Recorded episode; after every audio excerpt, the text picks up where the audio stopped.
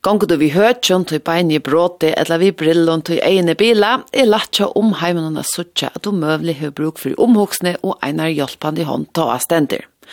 Verre er til tog i statja teimen som bera og kjønnlig brek som kunne gjøre teimen gjerande stein troplan, tog at andre folk ikkje vite omtare avbjørngar og i allmenna romenon. Solblåmeskibanen er rønt av bøte om hendet tropelaga, så les jeg at av skjønnelige bretjer gjerst er sinte mer kjønnelig, og folk og større mån skilje at her er onker som her, som krever er sinte mer omhoksne. Nøker visker fele og fellesskaper hava tidsi seg skipanna tilsøgn, og nå kjøsta skåte av lekkjennom i Norrlandhuset. Vi da nu finner vi kjenn av Torvi Kjelto, forskvinne og i Mekt, og Gunn Hernes, Gjora i Norrlandhuset. God morgen til på her. God morgen. God morgen. Tora, om vi börjar vid här, kan du säga ett sinter om hessa kipanna, solblomskipanna? Solblomskipanna blev sett av stån i 2016, eller ta börjar man arbeta vid det, jag flåvar till honom i Gattvik. Her yngste det er at folk som kommer og vidtjeie og fører Jøkken og Flåvødlen er høytte en møvelige for at vise at de høytte bruk for oksle og hjelp. Etla veløying, etla bare, folk sutja at her er øyte eller andre som bilar, at de særlig er tålen vidt deg. Og henda skipanen blei så utbrøyt til fløyre land, og det er ikke ødel land som vi samstarar vi som kjenner skipanene, men det er vi nevnene, vi til dømes okkara Norrland, eller det som vi samstarar mest vi, så blei det ordentlig av i Uisner. I Danmark har vi tidsda tilsyn, og her er Kastrup til dømes vi, og så er hun også kom til førjar, og det er vi det ordentlig glad for. Hvordan helt du er nek faktisk som vet om disse skipene før? Jeg halte føringer er nok så vitande om henne, og jeg må si at første fyrt her i hørte om henne, så var jeg ordentlig skeptisk. Skulle vi nå etter til at hentja spjalder og på folk, og sia, her er det som akkurat bilar vi. Men jeg må si at jeg vet høyen jo også så som hun er blevet brukt, og også jeg vil hørt fra tøymen som har brukt henne, at her er ikke øynkjelig søva. Her er det bæra gaua søver om at folk har tidsi til tilsøgn, og øysne til dømes ein støva som øyla nekk foreldre fyrjon sida vi til er hvis er bøttene til dømes hava autisme, eller nu er kanskje farligt at, at velja diagnoser ut, men hvis er bøttene av omkrar i årsøk er lutsindir mor og rævlig, så er kjøtt av vid omner i flåfæren og byrja irriterast, eller om jeg tar do et eller annet oppe eller. Og ta kan en sånn snører være øyla gau gava til etter battene. Er vid öll som er rundan om hugsa, hva skal her i nekka som vi øya takk i olvara. Og jeg kan enn halda at det kanskje er litt kjeiligt at vi har bruk for snøren noen, men han er en god gava til fløyre. Er det nek folk som brukes litt for båndene? Man kan sutja kanskje, man kan seg hvordan det så ut. Ja, det er så avmyndelig pen, nemlig. Det er grøn, og det er en sølblom oppja. Og jeg leser nemlig at sølblom har vært brukt, nemlig fyrir at Vi setter vi vøkstre og vi tog sterska og vi tog vekra og òsne vi møveløykon som blåman hever via veksa og gjerast vøker her som hun fær løyve til det. Så jeg halte i ånden for at Iva stod hvis folk genga vi solbøm. Så det er grønne grøn snører vi solbøm, ja. Og er det nekv som brukar det, veist du? Jeg har sett nøkker, ja. Og vi får øysne til folk som ringer inn i meg og spyrja hvordan de får fædra Så det er mye av verst. Jeg leser en av vimersing fra en brukare som skriver at uh, som flere og flere kommer i kipene, så tårer hva folk kanskje eisne bedre av brukerne. Hva, uh, kan halta folk om vi fjallt om brekon fra at bruka seg her enda snåre? Jeg har nå blir jeg et skjønnligt brek, og ønsken i var som så at, at jeg har vi løytebøyen, eller for at man ser det gongla noen, når de snakker om grøyler om morgen, og jeg, ikke, jeg fikk ångt, det er ikke et som tomt jeg fyllt jeg som er, det er ikke grøyler, det er så visst det ødel hvor det er. Men, da man hever skjønnligt brek, så er det kanskje nok så kjøtt til å halda at det er sinter, altså pjøs man noen snåre, ja? Men det er mange som ber det kjønnlige brek, og dette gjør nemlig at Jeg held at det krever dyrve, til på en eller annen måte så lever vi i en samfunn her som folk ikke er så øyelige glad for jeg sier at det er bare brek, og det kan jeg også være som det kjett om, til at det er bare en parser av åkken til for vi er. Men jeg held at jo fløyre færre er genga vitamon, fløyre færre østlige av dyrve til er genga vitamon. Så det er å få det utbrøtt akkurat så som Norrland hos gjør nå, sitter år av hettar, så heter det er godt. Ja, Gunn Hernes, nå er Norrland hos kommer vi i Kipan. Hvor har du valgt det? Ja, vi har valgt det veldig mange, eller alle grunnene som nå har blitt nevnt, men det er jo sånn at vi lever i et samfunn hvor vi krever mer og mer av hverandre, Folk opplever stress, sosial angst, eh, usikkerhet, utrygghet, også i situasjoner som skal være hyggelige og samlende. Eh, så det å kunne tilby noe som kan gi en støtte, for det er jo en støtte. Og du kan velge selv når du tar den på, og når du tar den av. Eh, det kan være i en enkelt situasjon, det kan være i en hel dag. Men eh, du vil også få den utdelt uten å måtte si eh, hvorfor. Du sier bare at jeg ønsker en solsikkesnor. Så det gjør jo liksom at den er tilgjengelig på en måte. Jeg synes det er en god måte både for den enkelte, men også for samfunnet å si at vi har ulike utfordringer i sosiale situasjoner. Eh, og så er det en god måte for personalet eh, å kunne hjelpe. Og den hjelpen du får er at du får et spørsmål om hva du har behov for. Og for noen kan det være å gå sist inn i salen, for noen kan det være å gå først inn i salen, for noen kan det være hjelp å lese tekst opp i et program. Det kan være i en billettsituasjon hvor du skal handle, hvor du har problemer med å, å, å kunne betale på samme måte som andre. Og alle disse situasjonene kan vi hjelpe deg til hvis den enkelte gir et tegn som, som båndet er. Så vil jeg bare si at vi har et annet bånd også, som faktisk er hvitt. Og det kan man jo velge å ha på hvis man er en, en støtte. Eh, jeg har selv hatt en far som eh, var dement, eh, og i noen situasjoner så ga han uttrykk for ting som ikke passet. Eh, han gikk tilbake i krigen, så han begynte å snakke tysk, blant annet. Eh, og da kan jo jeg bære den ved siden av han, hvor kanskje ikke han selv kan velge å ta det grønne båndet på. Så vi har liksom to muligheter, eh, også ved at, at eh, familiemedlemmer eller eller venner også kan vise støtte. Hvordan kom til det at det overhøver hoksa om at uh, Gjeras Parstre er skipene?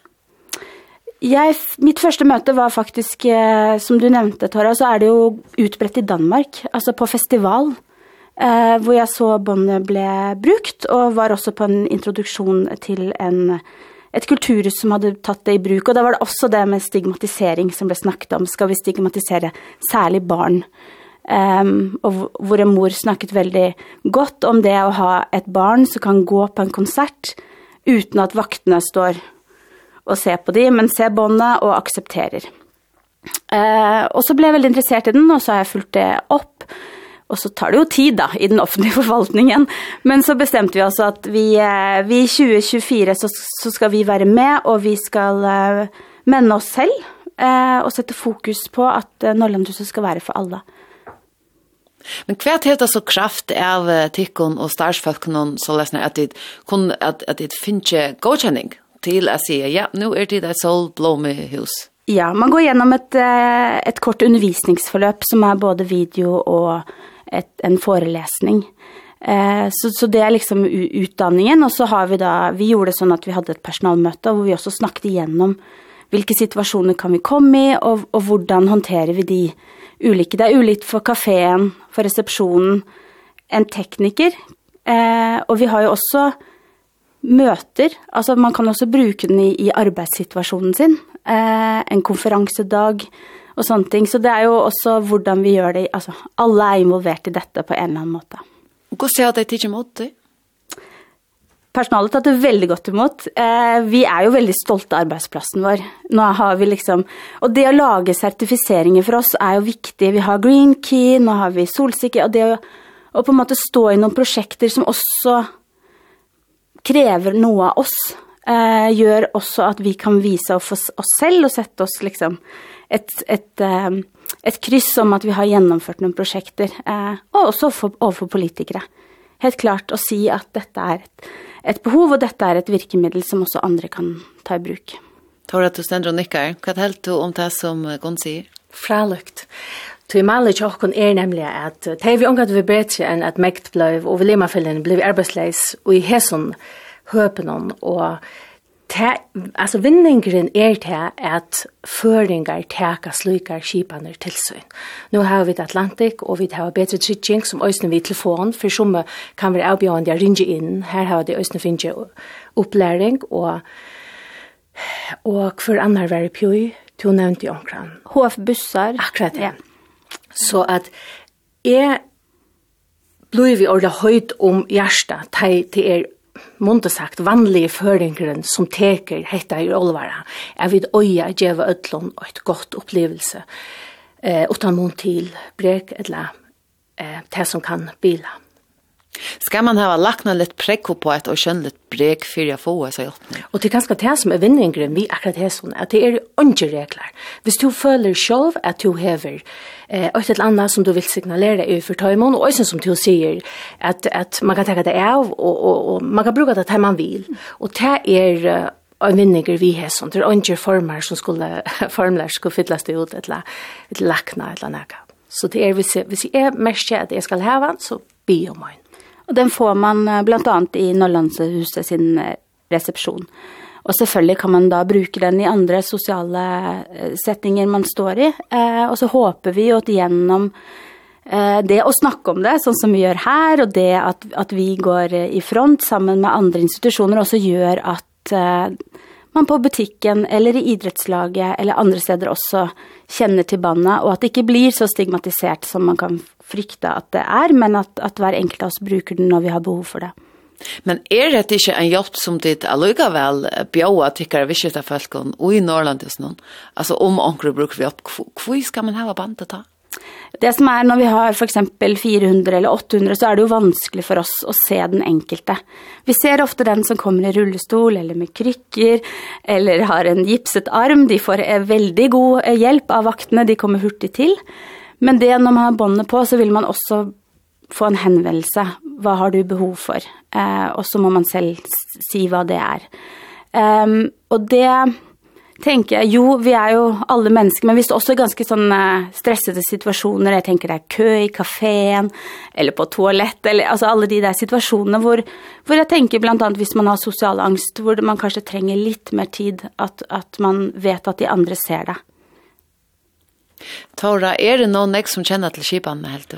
Jeg halte det kunne gått for fløyre, og jeg gitt i øyne hette her i morgen, nek som sitter lort i morgen, som, som nå får jeg kanna, og det er en fin høymasøy som øyde sunflower.com, eh, Og her som øyne er en dansk søya, at kunne lese om skipanna, og det er vi omgang til bedre enn at fløyre kommer på i skipanna, og øyne for at opplære det som arbeider, eh att han för diskar och och i mest och ösen det som vi har ösen en bulka fölke som skulle köta väs hvis det är till döms till handels och och det är öjeliga alltså Olivia en samfälle här som tog vi bara founder vi akkurat akkurat så som du erst till det här vid instjocken och vissa sådömsnören kan vara vid till så är det ett ett gott att jag kallt ja.